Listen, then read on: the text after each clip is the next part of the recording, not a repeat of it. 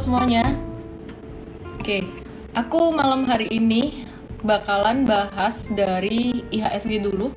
Sebelumnya teman-teman, hari Sabtu nanti ada seminar cuantastik. Cara ngikutnya gampang, seminar ini gratis, bisa diikuti oleh semuanya.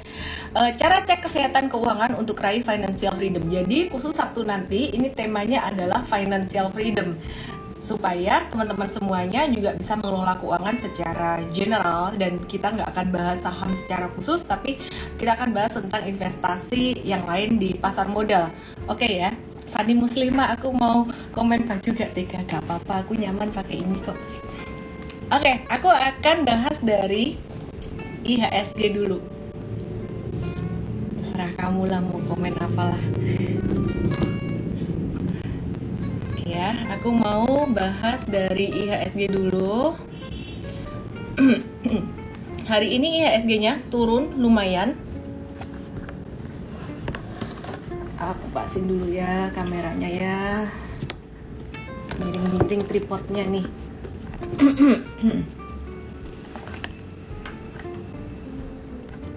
Oke, ya jadi hari ini IHSG turun lumayan sekitaran 0,8 persen uh, turunnya tuh didorong oleh saham-saham komoditas seperti UNTR, ITMG dan juga INDI gitu.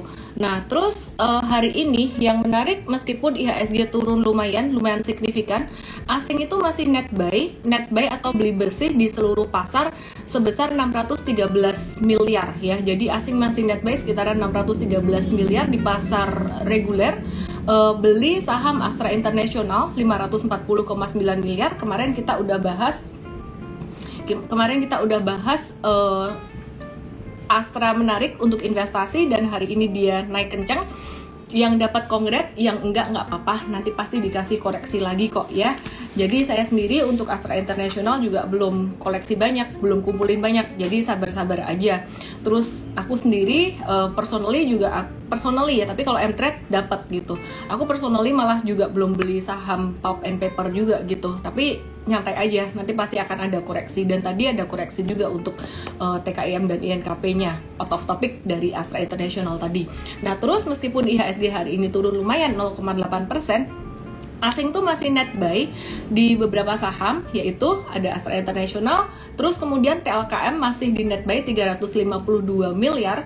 Terus Adaro juga masih di net buy 194 miliar uh, MDKA 60 miliar dan PTBA 56 miliar. Yang menarik saham-saham komoditi ini masih diakumulasi beli oleh investor asing. Nah, kita sebagai investor retail gimana dong? Asingnya masih masuk loh, duit gede masih masuk. Kita masuk gak? kita lihat ya teman-teman ya sekarang kita akan lihat saham-saham yang diakumulasi asing hari ini sebelum nanti kita akan bahas pastinya saham-saham perbankan besar yang selalu kita harus bahas kalau IHSG ada naik atau turun signifikan oke sekarang kita lihat untuk Astra International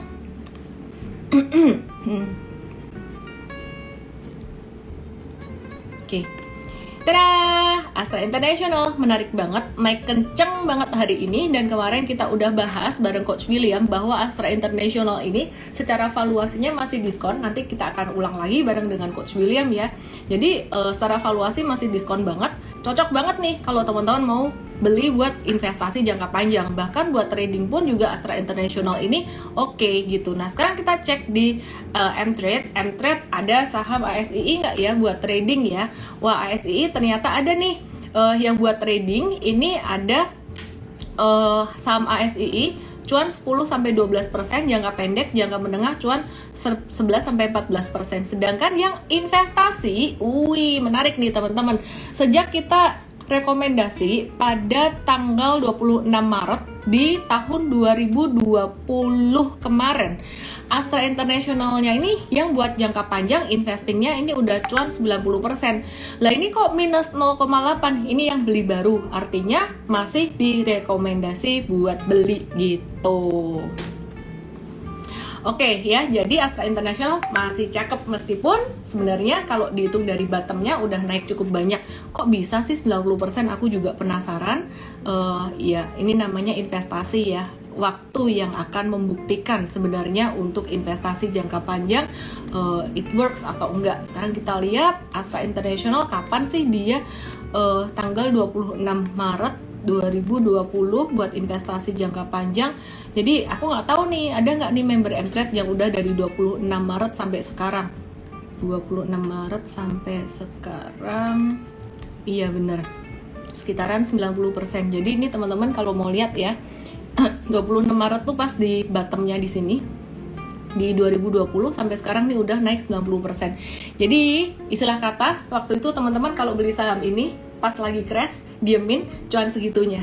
Wah, kalau tahu gitu ya, semua duit udah dimasukin uh, ke Astra International. Tapi masalahnya pas waktu itu Astra International lagi di bawahnya, lagi di bottom-bottomnya, kalian masih takut.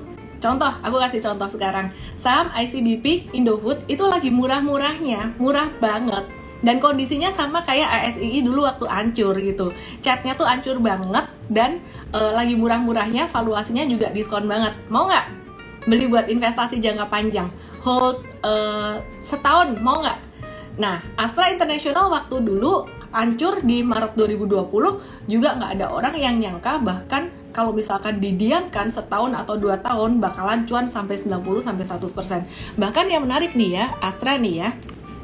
Astra ini sebenarnya udah sempat naik sampai 100% sejak Maret 2020 dalam hitungan kurang dari satu tahun sampai Januari 2021 setelah itu turun lagi. Nah gimana caranya investor merespon ini? Saya nggak ngomong bahwa uh, eh, ICBP Indofood ini bakalan jadi sama persis kayak Astra International. Enggak gitu. Apakah dia akan naik dalam rentang waktu kurang dari satu tahun jadi cuan 100% belum tentu gitu. Tapi mindsetnya buat investor adalah beli di bawah valuasi murah banget diskon valuasi dari uh, historicalnya tuh diskon banget dan kemudian sabar. Sabar diemin. Terus kalau udah naik tinggi sampai cuan 100% mau take profit nggak? Silahkan. Mau take profit boleh nggak boleh. Tapi kalau yang namanya investor harusnya nggak taking profit harusnya masih hold Sabar ya, yang nanya tentang Antam dan lain-lain aku akan bahas nanti INKP juga aku akan bahas. Tapi aku lagi pengen ngomong tentang investment dulu nih, the power of investment atau investing jangka panjang. Nah kemudian ketika uh, Astra waktu itu naik lumayan tinggi, udah naik 100% dalam rentang waktu kurang dari satu tahun, kemudian dia turun lagi tuh dari atas sampai di sini dia turun lagi 30%. Jadi investor yang beli di bawah kalau dia nggak taking profit ya tadinya udah cuan 100% kalau dia turun, dia akan cuannya turun, sisa jadi cuan 40% aja. Aduh, nyesel dong. Kalau mindsetnya investasi itu gak nyesel ya. Jadi kalau mindsetnya investasi itu gak nyesel. Justru makin turun, makin dibeli. Kuncinya buat investor adalah cash is the king. Kesimpulannya, kamu mau beli ICBP atau Indofood buat investasi jangka panjang atau enggak, terserah kamu. Selama kamu punya duit, why not? Daripada duitnya ditaruh aja di bank dan bunganya ya segitu-segitu doang gitu. Tapi jangan semua duit tabungan diambil di situ. Nanti kita akan belajar tentang financial planning bareng dengan coach uh, Akbar. Oke? Okay? ada nggak sabar miss? Nggak sabar karena you don't know what to expect. Jadi ketika aku invest aku invest di saham-saham big caps gini ya aku pakai duit yang bener-bener nganggur istilah kata yang kalau diem pun nggak apa-apa gitu. Jadi aku ada beli ICBP juga Indofood.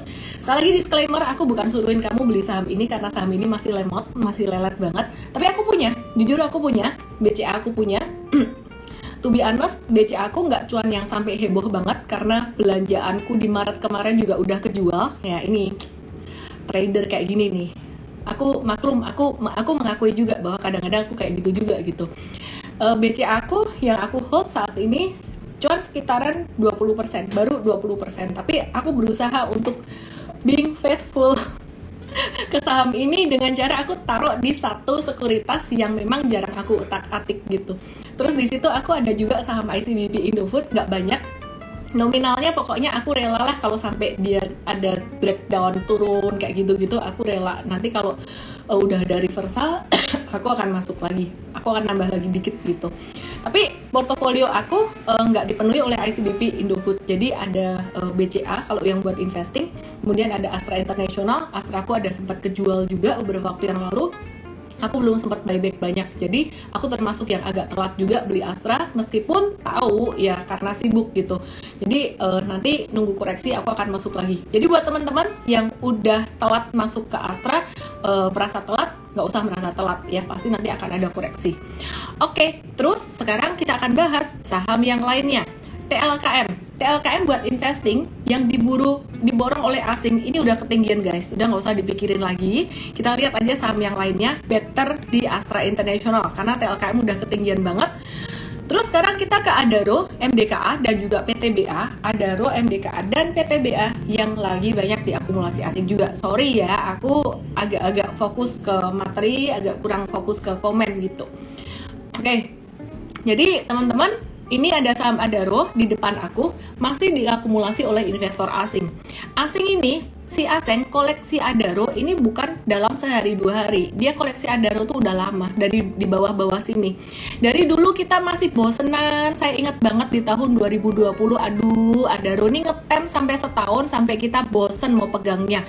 Tapi sebenarnya fundamental dari perusahaan ini sangat bagus sekali dan tahun 2020 waktu itu valuasinya sangat murah. Jadi kalau saya flashback di tahun 2020, saya sempat punya saham Adaro ini di level yang bawah-bawah banget di sini beberapa kali. Entret juga sama.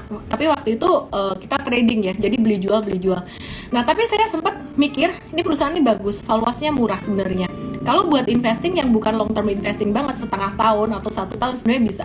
Cuman waktu itu saya nggak sabar di Adaro ini dan saya jual. Jadi aku belajar dari semua hal ini.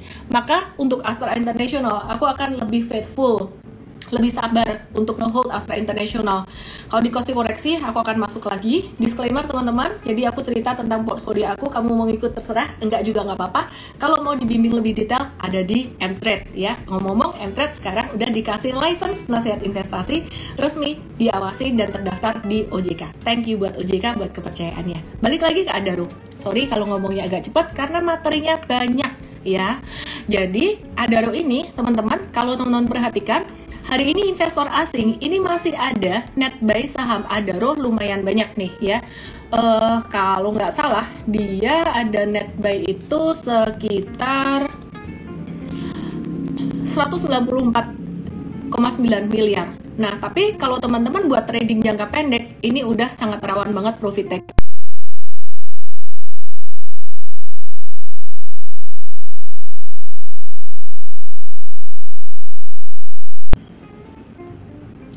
Oke oke oke. Adaro meskipun hari ini masih banyak dikoleksi oleh investor asing 194,9 miliar, tapi um, udah udah apa namanya udah ketinggian lah ya.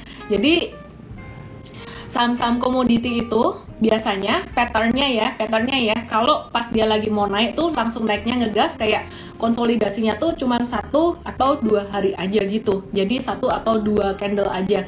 Nah teman-teman bisa lihat di sini nih. Jadi teman-teman bisa lihat di sini nih. Adaro tuh kayak dia stagnannya cuma sehari aja terus kemudian naik lagi lanjut naik lagi. Maka dari itu kalau misalkan teman-teman ada trading saham komoditi yang lagi uptrend, ada baiknya teman-teman punya jangka pendek dan juga jangka menengah. Contoh ini di Mtrade aku coba cek saham Adaro. Nah, Adaro ini di Mtrade sempat kebeli tanggal 14 Februari kemarin, ini cuannya 39 sampai 42% untuk jangka menengah, sedangkan jangka pendeknya ini uh, cuan beberapa kali sempat cut loss juga gitu. Nah, jadi 14 Februari itu pas Valentine di sini nih ya, di sini. Oke. Okay? Oke, okay, ya. Jadi dapat pas di bottom di situ. Intinya sekarang udah jangan dikejar lagi. Terus kemudian sekarang kita ke MDKA. 5 saham yang dikoleksi oleh investor asing hari ini. Kita ke MDKA ya. Nah, terus kenapa kok asing masih beli terus gitu? Asing duitnya banyak, asing duitnya banyak tuh. Jadi mereka punya modal bawah, punya modal di tengah, modal di atas tuh cuman dikit doang. Oke. Nah, sekarang MDKA Mtrade udah beli MDKA. Mtrade ini udah ada beli MDKA sejak beberapa hari kemarin dan udah cuan 19 sampai 21%, jangka pendek, jangka menengahnya 25% karena waktu itu jangka pendeknya sempat di TikTok sempat kejual pada tanggal 1 Maret gitu. Terus kemudian di buyback lagi jangka pendeknya pada tanggal 2 Maret untuk tradingnya. Nah, teman-teman mungkin teman-teman berpikir nih, wah saham rekomendasi Entret kok banyak ya? Nggak semua harus dibeli. Maka dari itu kita kasih analisis juga biar teman-teman paham alasan dibalik pembelian saham itu apa gitu ya. Nah, jadi kalau uh, saya pribadi saya juga nggak semuanya punya punya semua saham Mtrade itu enggak gitu. Jadi kemarin waktu uh, booming komoditi akhir-akhir ini aku banyak tradingnya itu saham uh, eh, CPO dan juga saham coal. Justru malah metals aku punya tapi cuma antam tims doang. MBKA aku juga nggak nggak beli gitu. Karena portfolio kita juga duitnya nggak apa namanya nggak bisa buat beli semua semuanya ya. Ada uh, batas juga aturan kita punya saham dalam satu portfolio itu berapa banyak gitu. Nah, jadi teman-teman kalau misalkan teman-teman telat beli MDKA-nya di sini ya udah nggak usah dikejar lagi.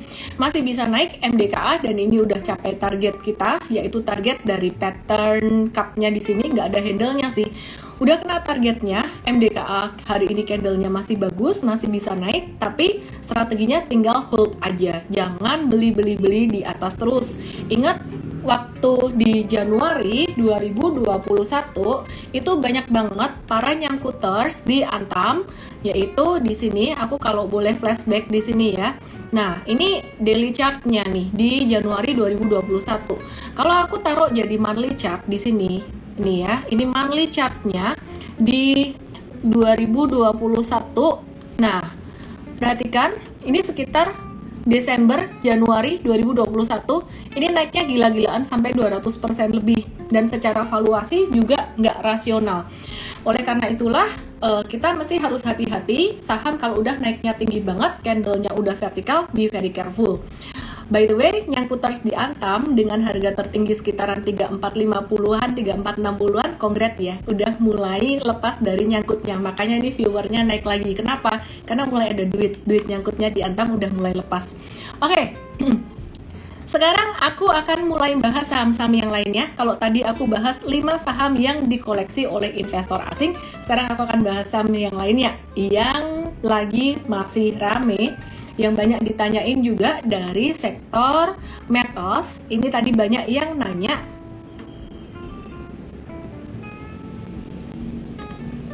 Tins Imah masih boleh beli nggak?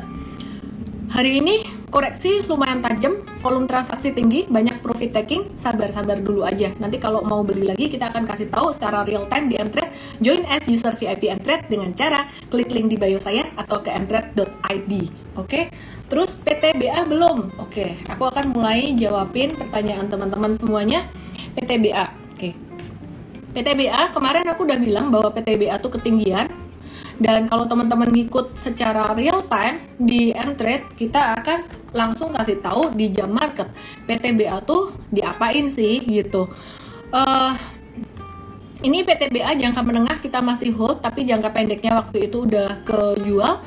Dan kita lagi nunggu normal correction, koreksi normal untuk PTBA hopefully sih bisa dapat di 3300-an. Tapi kalau nggak dapat di 3300-an, uh, PTBA ini dia koreksi sehari jika seandainya besok breakout naik kita akan trading jangka pendek. Tapi kita akan tight banget untuk profit takingnya. Jadi dipantengin. Kalau misalkan besok sampai entry ada beli buy on breakout kita akan uh, minta untuk teman-teman semuanya pantengin saham PTBA nya ini karena udah lumayan tinggi. Nah ini tadi ada info juga bahwa bahwa LME di hold dulu karena dua hari naik 250 persen.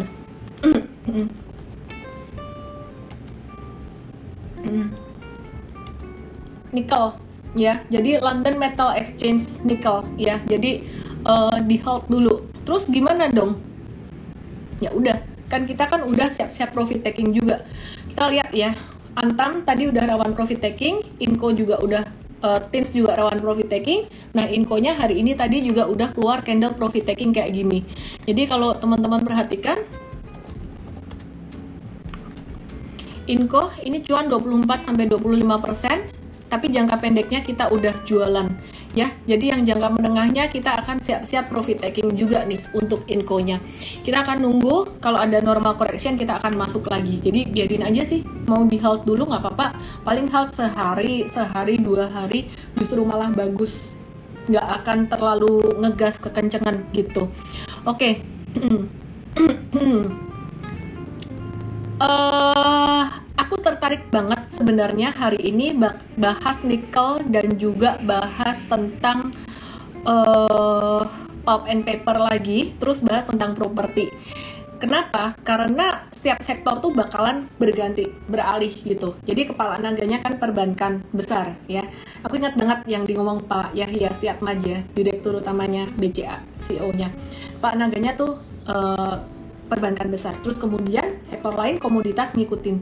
Nah, kalau komoditi ngikutin, income masyarakat Indonesia bertambah, banyak bertambah dari komoditi, mereka bisa belanja-belanja. Dan salah satunya yang akan kedampak positif adalah sektor properti. Oke, kita akan invite Coach William dan juga invite Coach Akbar. Tapi sebelumnya aku mau kasih lihat teman-teman dulu untuk saham-saham dari sektor properti. Kabarnya gimana sih saham sektor properti? Buat kamu-kamu yang nggak mau telat dapat info beli jual saham, langsung aja join sebagai user VIP Mtrade. Dan saat ini kita bersyukur Mtrade dipercaya oleh OJK untuk dapat izin atau license penasehat investasi yang kita udah juangkan selama 2 tahun. Terima kasih buat OJK. Oke, sekarang kita lihat properti gimana. kita kita lihat properti gimana ya. Nah, ini properti ini saham BSDE. BSDE menarik 1 2 3 dia bentuk triple bottom, triple bottom dan juga candlenya di sini volume transaksinya gede banget kemungkinannya besok BSDE bakalan naik sampai level 1000. Cuman, teman-teman, jangan cuma ngelihat jangka pendeknya doang. Kalau aku ngelihat pattern kayak gini, buat teman-teman yang udah ngikutin entry tiap hari, dibimbing secara analisis teknikal, dikasih ilmu terus, ngikut morning briefing, day briefing, teman-teman akan bisa lihat bahwa pattern di sini ini menarik banget ya. Ini pas hijau dia volume tinggi, ini hijau volume tinggi, dan di sini ini hijau volume tinggi banget. Kesimpulannya, aku tanya ini, buat yang benar, aku pilih tiga orang dapat M-Trade 7 hari VIP. Ini lagi fase apa nih? Dijawab yang mau M-Trade 7 hari, aku pilih tiga orang. Ini BSDE kayak gini, ini lagi fase apa? Lagi stage apa? Lagi stage apa ini?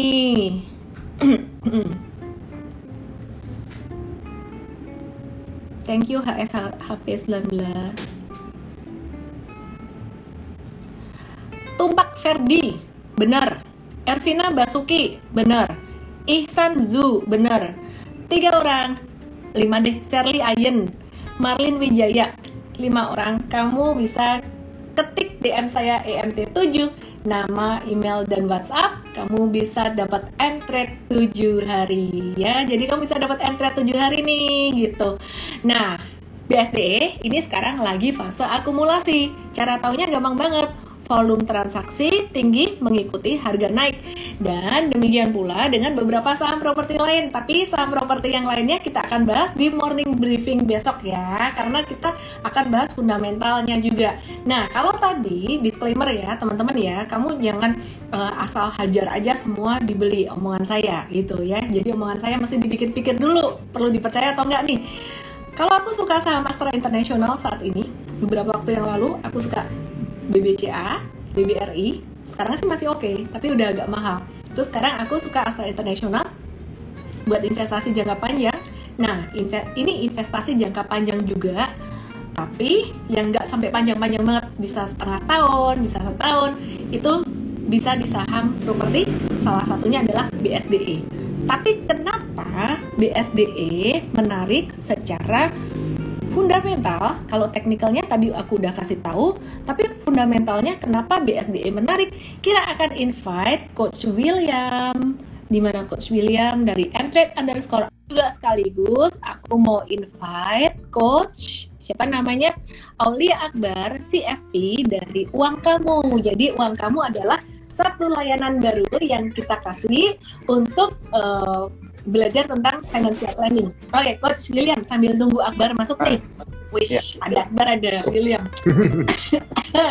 Saya ditemani dua cowok ganteng, aku langsung grogi. Oke, okay. Coach Will dulu ya. Aku kenalin guys. Yeah, yeah. Coach William ini adalah coach um, senior equity analyst kita yang bahas tentang fundamental saham dan juga makro ekonomi juga. Sedangkan yang pakai baju putih NPS ini yang gak kalah gantengnya ini adalah Coach Auli Akbar CFP, coach kita yang ngajarin kamu tentang merdeka finansial. Kira mulai dari Coach William dulu, kenapa BSDM menarik si Coach dan kenapa sektor properti menarik setelah komoditinya uh, moncer? apa hubungannya sama komoditi? ya, uh, jadi uh, kita sudah pernah bahas di Cuantastik ya, Miss ya, di beberapa waktu lalu. Memang kalau kita melihat siklus, kalau misalnya harga saham komoditi naik, biasanya orang-orang itu, terutama untuk yang di daerah uh, negara penghasil SD ini ya, SDA seperti kayak coal, seperti kayak CPO itu pasti spendingnya meningkat. Karena otomatis mereka tiba-tiba mendadak punya duit banyak. Apalagi kalau kita bicara di daerah Sumatera dan Kalimantan yang mostly rata-rata masyarakatnya itu adalah uh, ini ya uh, menggunakan apa tergantung sama harga uh, harga CPO dan batu bara. Jadi ketika harga kolnya naik uangnya banyak pasti duitnya tuh bakal larinya ke uh, entah itu mereka beli rumah renovasi rumah beli motor beli mobil nah itu pastilah yang akan terjadi kalau misalnya kondisinya mereka punya spending yang meningkat karena harga jual komoditinya naik gitu. Jadi secara nggak langsung kenapa properti naik? Ya tentu ada korelasinya dengan kenaikan harga komoditi yang sudah kita lihat dalam beberapa hari terakhir itu mengalami peningkatan seperti itu, Miss. Hmm, hmm, hmm, hmm. oke. Okay. Kenapa BSDE menarik ya, Coach ya? Ya. Eh sorry uh, ya, kita... aku aku disclaimer dulu ya. Nanti aku dikira pom pom saham BSDE karena personally aku suka gitu. Nanti Coach William boleh ngomongin yang lain-lainnya juga nih saham-saham yang lain yeah. gitu. Terus nanti kita akan ngobrol dengan Coach Akbar juga. Oke. Okay. Uh, eh, kenapa BSDE menarik ya? Pertama kita bicara tentang bisnis dulu ya. Overall kita lihat bisnis di properti ya semua orang tahu lah BSDE siapa gitu ya. Land bank terbesar, lalu kita melihat juga good corporate governance-nya juga baik, Lalu kita juga melihat dari sisi marketing salnya juga cukup baik ya di tahun 2021 kemarin uh, secara data menarik sekali gitu. Jadi memang mostly kalau kita bicara properti pasti BSD akan berada di urutan yang pertama kalau bicara soal uh, balance sheet dan secara bisnis yang lebih baik. Nah yang kedua ya kita juga bisa melihat uh, tentu dari so, uh, dari segmen residensial ya. Residensial kan memang mostly BSD itu pemenangnya gitu. Dan kita melihat ada DP 0% lalu juga suku bunga rendah. Jadi mostly yang banyak paling berdampak mendapatkan benefit dari sana saya pikir itu BSDE. Mungkin teman-teman bisa lihat secara spesifik kalau teman-teman baca laporan keuangan itu uang muka penjualan yang sudah terrealisasi di BSDE itu naiknya itu lebih dari 50% dan itu mengindikasikan bahwa demand properti milik BSD itu cukup kuat. Jadi mungkin ini yang dibaca oleh investor kenapa mereka lebih suka saham BSDE kalau bicara saham di sektor properti. Nah, Cuma mungkin untuk sebagai pembanding lainnya saya juga ingin kasih tahu saham Powon. Powon juga menarik teman-teman. Kenapa Powon menarik? Ya karena memang dari sisi recurring income-nya juga paling bagus itu Powon. Kurang lebih sekitar di kuartal 3 itu sekitar 47 persen pendapatannya itu adalah dari recurring income gitu. Jadi memang kalau kita bicara resident Nah, suaranya itu juga bagus. Gitu. Jadi ini tinggal di arah mana teman-teman lebih sukanya ya? Lebih suka properti yang bisnis residensial atau bisnis yang lebih besar di recurring income? Tapi keduanya sama-sama okay. bagus. Narik, narik. Aku akan bahas technical ya. Ini teman-teman kan suka di technicalin biasa. Nah, Sumarekon gimana nih? Sumarekon menarik juga gitu. Jadi Sumarekon ini meskipun chartnya nggak secakep BSDE, tapi hari ini semua saham-saham properti, tadi BSDE, sekarang Sumarekon, volume transaksinya tinggi banget. Terus kemudian CTRA eh ini CTRA yang mana lagi Ciputra Development ini juga volume transaksinya tinggi banget jadi menunjukkan bahwa hari ini tuh lagi ada akumulasi di saham-saham properti terus kemudian selain CTRA kita juga lihat Pewon Pewon ini juga kena dampak positif kayaknya ya coach ya dari uh, apa namanya uh, ini loh bepergian ke domestik nggak ada PCR atau apa tuh jadi Iya, ya betul. I think orang banyak main juga Ada gitu juga. nah ini volume transaksi lumayan Betul. tinggi gitu oke ya jadi teman-teman sebelum kita lanjutkan jangan lupa follow Instagram mtrade underscore ID untuk dapat info saham lebih banyak pastinya dan juga hiburan saham dan follow Instagram uang kamu biar uang kamu makin banyak juga gitu sekarang kita mau nanya ke Coach Akbar Coach Aulia Akbar. Gimana caranya ngatur duit? Pilih investasi properti atau investasi saham, investasi saham properti. Oke. Kalau misalnya kita berinvestasi properti langsung gitu ya, otomatis kan risikonya cukup besar ya karena harga properti itu sendiri nggak murah. Hmm. Nah, sementara kalau kalau saham ya sama sama tingginya juga risikonya. Hanya saja kan kita membeli sa- saham perusahaan properti. Pastikan kita punya uang dingin dulu. Nah, jadi kita bisa menabung untuk mengumpulkan uang dingin atau aset lancar kita. Proporsinya berapa? Nah, jumlah aset lancar yang ideal itu adalah 20% dari nilai kekayaan bersih kita. Nah, kita bisa ambil dari 20% itu mungkin sekitar 5 persennya nanti di- baru dialokasikan untuk uh, investasi di situ. Pasti kita juga harus tahu kalau misalnya kita berinvestasi properti langsung ini tidak liquid ya dan yang kita expect ke ke depannya adalah uh, fixed income atau pendapatan tetap dari sewa properti atau uh, jualan properti itu sendiri. Nanti diajarin ya Coach ya hari Sabtu tentang gimana caranya aset alokasi bagi duit buat investasi di sektor properti eh, atau di saham properti dan yang lain-lainnya. Jangan lupa download aplikasi Mtrade. Lanjutin dong Coach Akbar. Caranya gimana ikut eventnya Oke. hari Sabtu jam 10?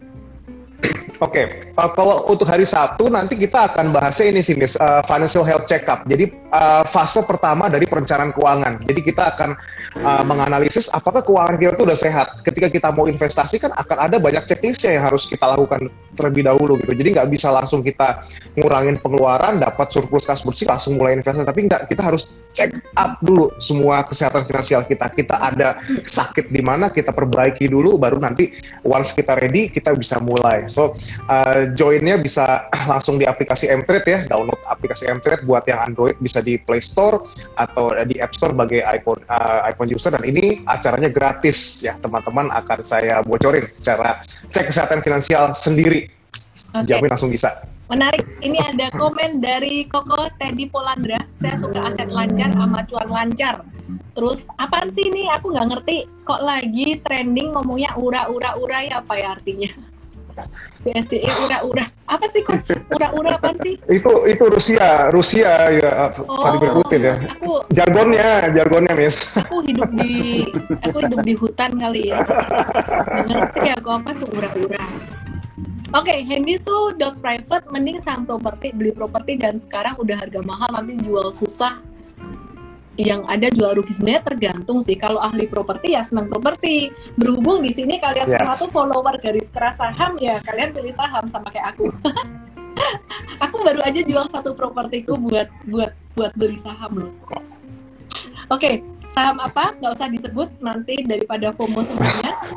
Dan itu di situ tadi udah ada yang mulai FOMO, katanya hajar kanan BSDE. Aku kasih tahu caranya, investasinya. Portfoliomu ketika berinvestasi, satu gedein saham-saham yang di caps perbankan gede, terus kemudian Astra International, kemudian baru BSDE, dan kemudian baru saham-saham yang lainnya. Dan nggak harus eh, jumlahnya nggak harus gede-gede banget. Sesiapnya kamu dengan resikomu. Intinya kalau ada fluktuasi, teman-teman nggak stres. Oke, sekarang kayaknya kita harus bahas hmm, saham-saham yang menarik buat trading nih ya. Karena di sini tadi banyak banget trader yang pengen tahu tentang jangka pendek. Coach William ini nickel disuspend kenapa LME disuspend Ya, ya pasti seperti saham ya. Saham kan disuspend kalau misalnya harga sahamnya naik eh, tidak wajar ataupun turunnya tidak wajar. Nah ini juga sama di nikel juga ternyata kemarin itu naiknya dalam dua hari aja tuh naiknya 250 persen nih. Jadi tentu di sana itu eh, di LME sendiri di London itu melakukan namanya trading halt. Gitu. Jadi untuk menja- untuk membatasi kenaikan harga yang lebih lanjut lagi gitu. Jadi uh, kurasa sih masih faktor itu yang bisa dan kita tahu ya kenapa harga nikel naik.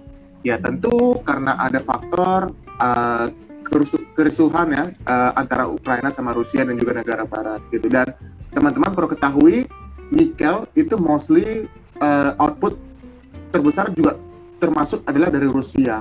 Dan ketika Rusia mengalami sanksi secara internasional tentunya supply uh, dari nikel juga pastinya akan terhambat. Padahal demandnya lagi naik, terutama kalau kita bicara tentang electric vehicle. Gitu. Hmm. Jadi mungkin kurang lebih alasannya seperti itu, Miss. Kenapa jadi di di trading halt dulu sementara? Oke, okay, oke, okay. oke. Okay. Saham nikel intinya udah agak ketinggian, teman-teman mesti wait and see dulu ya. Terus aku masih tertarik untuk bahas saham tadi properti udah, sekarang kita bahas konstruksi deh.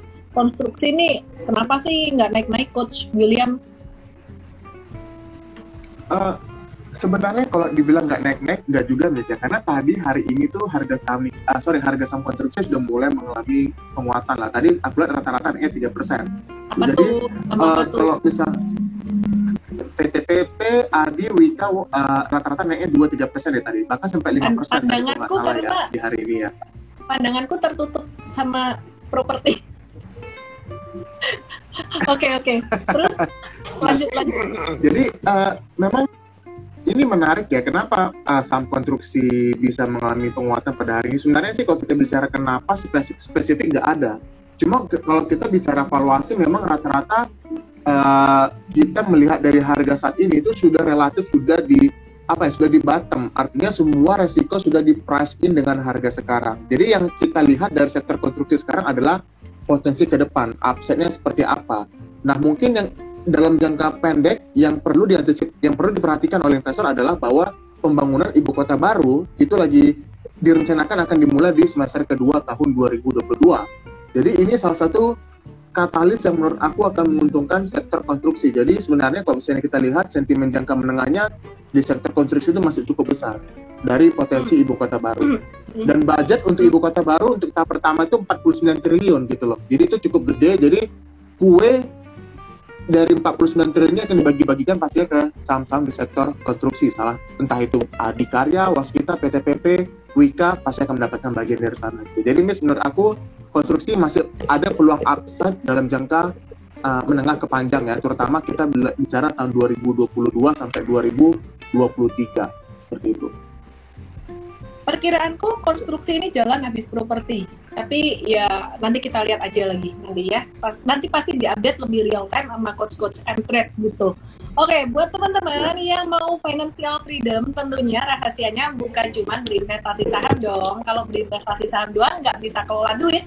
Buat apa ya? Jadi nanti boncos juga gitu. Gimana caranya supaya bisa jadi kaya? The whole thing itu adalah dengan bisa mengelola keuangan. Sekarang kita ke coach Akbar bicara tentang financial Oke, okay. Miss Giliran, ya. Halo, saya saya mau mau nanya nih ke Miss nih. Menurut Miss Ilan tuh financial freedom itu apa sih sebetulnya, Miss? Financial freedom, mau jawaban hmm. yang gimana nih? Jawaban idealis atau wow. jawaban jujur nih? ah, jawaban jujur dong. Jawaban jujur. ya. Jawaban jujur buat aku. Jawaban jujur. Freedom, pokoknya kita bisa bisa menghidupi diri kita gaya hidup kita, lifestyle kita itu dengan passive income. Kalau bisa sih dengan passive income gitu, ya. Dan gaya hidupnya nggak usah yang harus yang wah-wah gimana. Yang penting tuh happy, yang penting fulfilled gitu. Nah masalahnya happy and fulfilled ini caranya gimana? Ya cari tahu masing-masing. Kalau menurut Coach Akbar, financial freedom itu apa dan gimana sih caranya?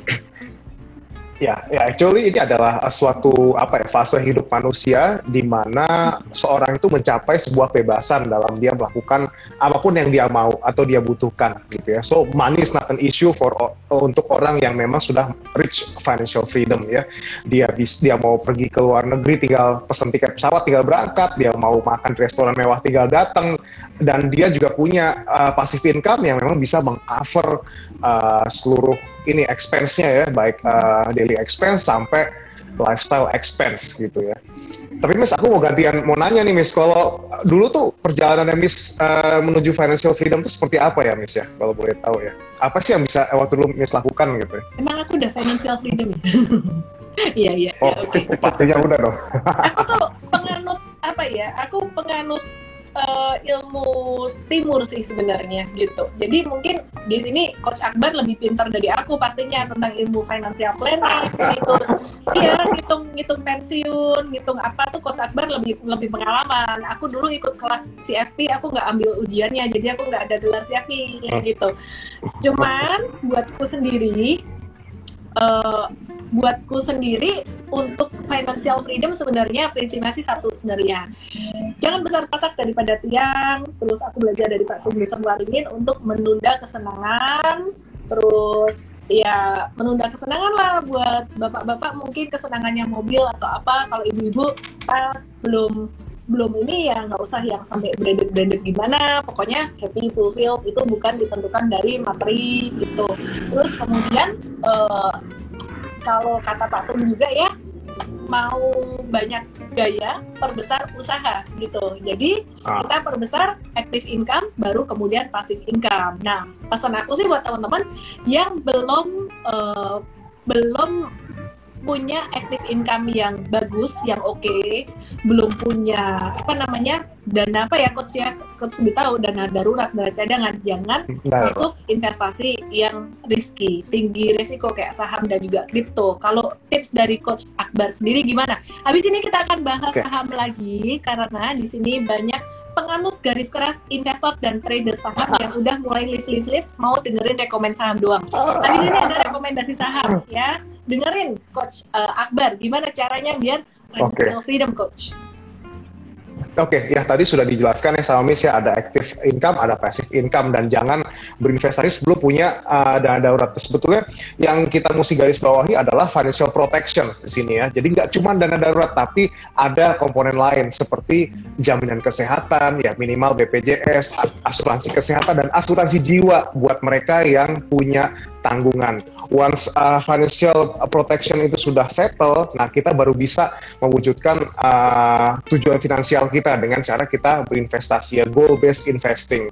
Ketika tujuan finansial sudah uh, terwujud semuanya dan ini dikombin kedua, jadilah dia financial freedom dan nantinya orang ini akan mencapai satu fase yang disebut sebagai financially happiness di sini ya. Jadi benar-benar hidup yang dengan kebebasan yang hakiki. Oke, gitu. oke, oke, oke. Cakep banget. Thank you banget coach buat sharingnya. Ini ada yang nanya, Antam udah cuan 25% better di hold atau di jual ya, ya terserah. Kalau merasa puas dengan cuannya ya silahkan jual aja dulu daripada nanti koreksi lagi. Prinsip aku adalah lebih baik aku jualan cuan dan harga sahamnya lanjut naik lagi biarin daripada aku nggak jualan terus kemudian harga sahamnya turun. Kenapa bisa ngomong begitu? Dari pengalaman terakhir aku kena di BSDE ya. Jadi BSDE waktu itu karena aku terlalu cinta itu nggak benar juga ya. Terlalu suka sama satu saham tuh nggak benar gitu. Nah, jadi aku suka fundamentalnya, tapi ini kemarin agak kecampur dengan mindset trading gitu. Dan uh, udah cuan lumayan banyak, terus kemudian udah cuan 20% kayaknya. Turun lagi jadi BEP.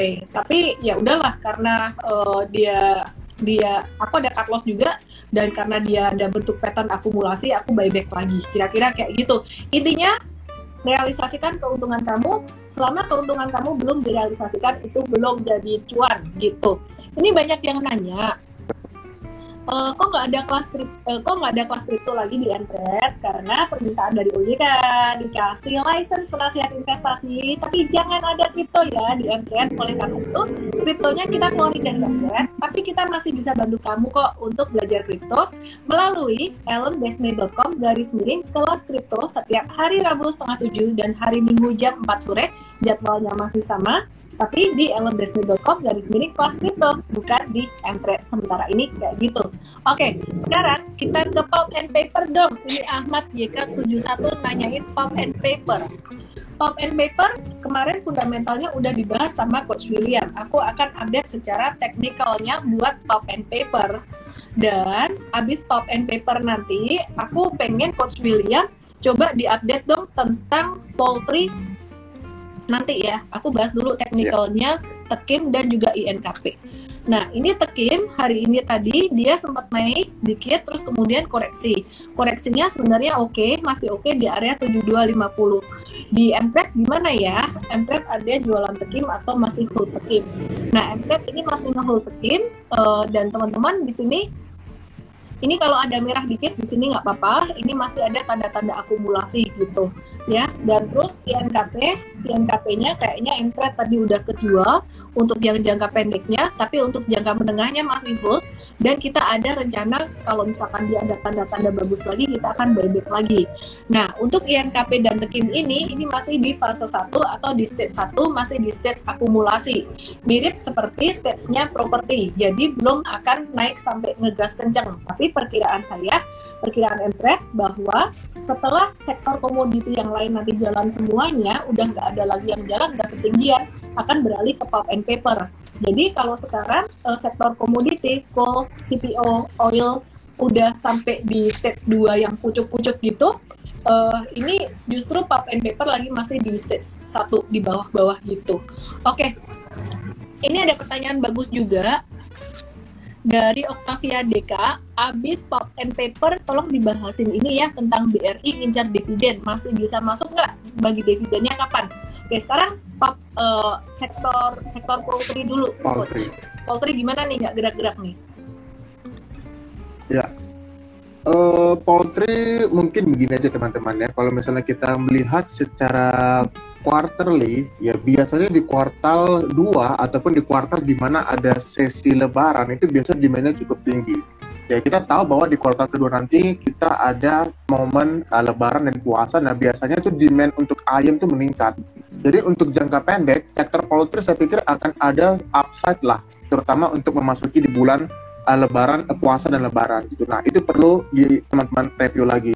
Tetapi kita nggak fair ya kalau ngomong upside hmm. tapi kita nggak ngomong downside risknya juga gitu downside risknya juga masih ada teman-teman salah satunya adalah kenaikan harga bahan baku ya mungkin kalau nanti kita lihat spesifik harga bahan baku terutama jagung di berapa besok di morning briefing akan kita sharing ya cuma mostly harga bahan baku utama entah itu jagung, CPO, gandum semuanya lagi mengalami peningkatan teman-teman.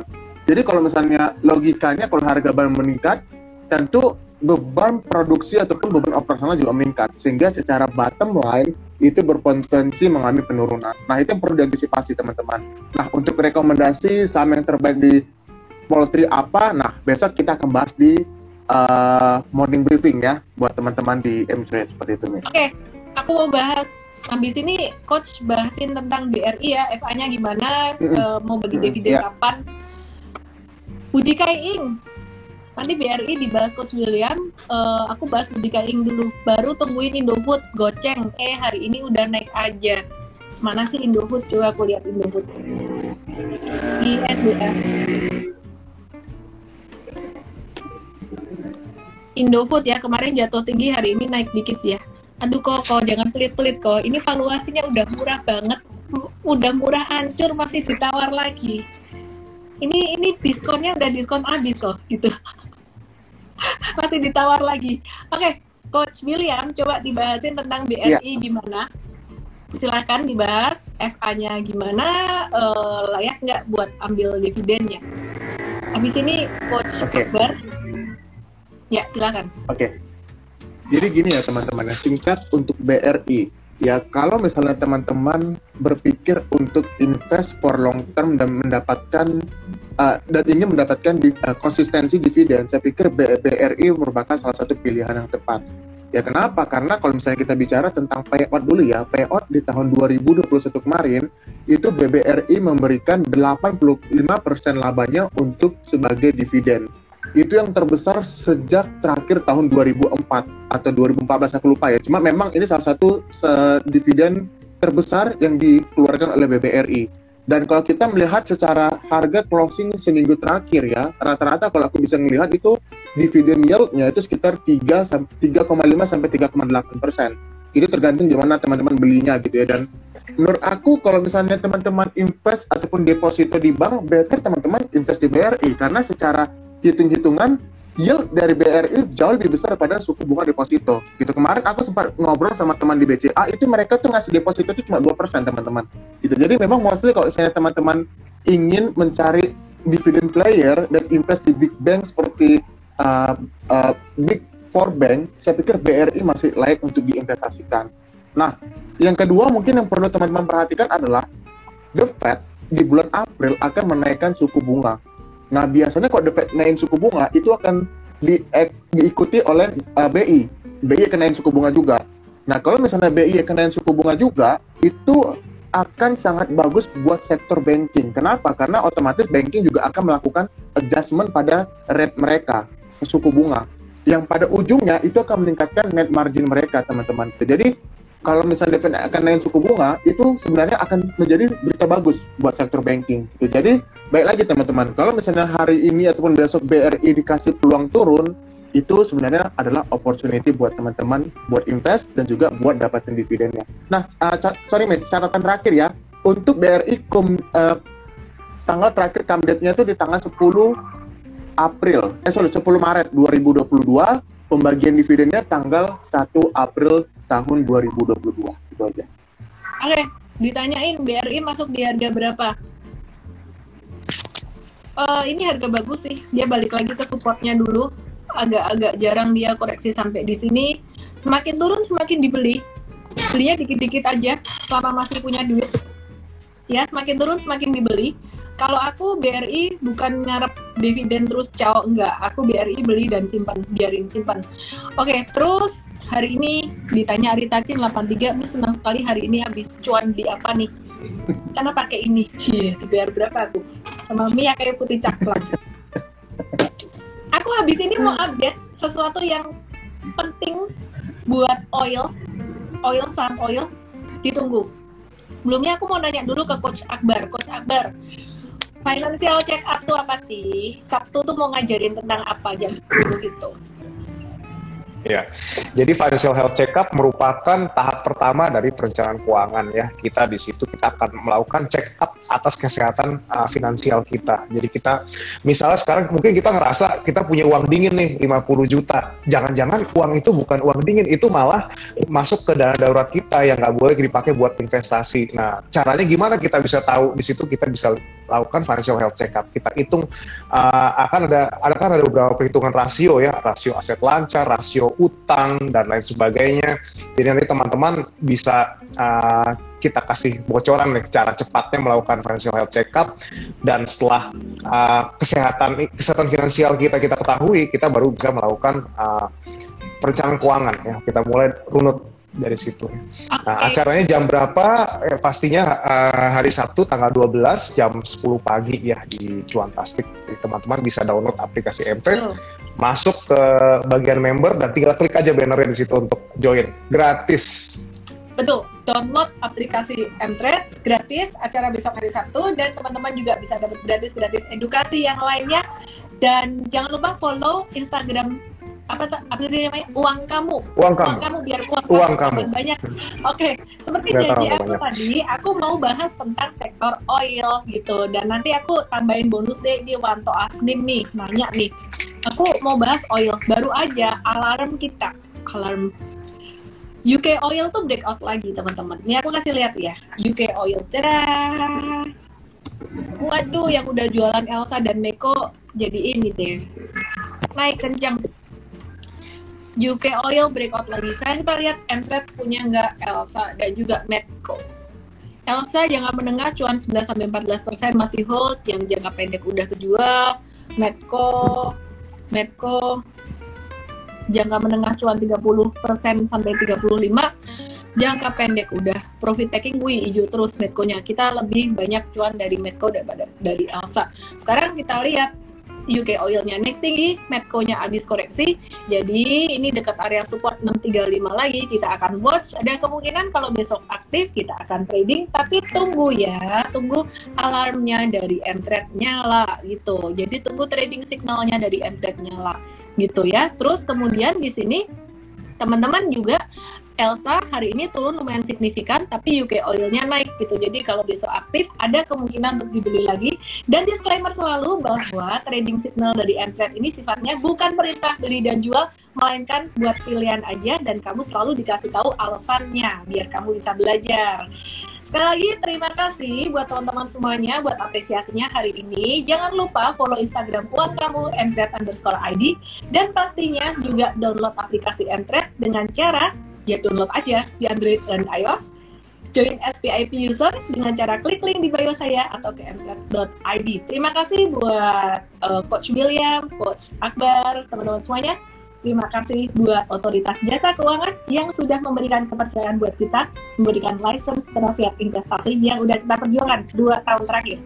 Thank you semuanya, sehat selalu. Dadah coach. Thank you. Ya. Dadah. Thank you. Sehat ya, bye.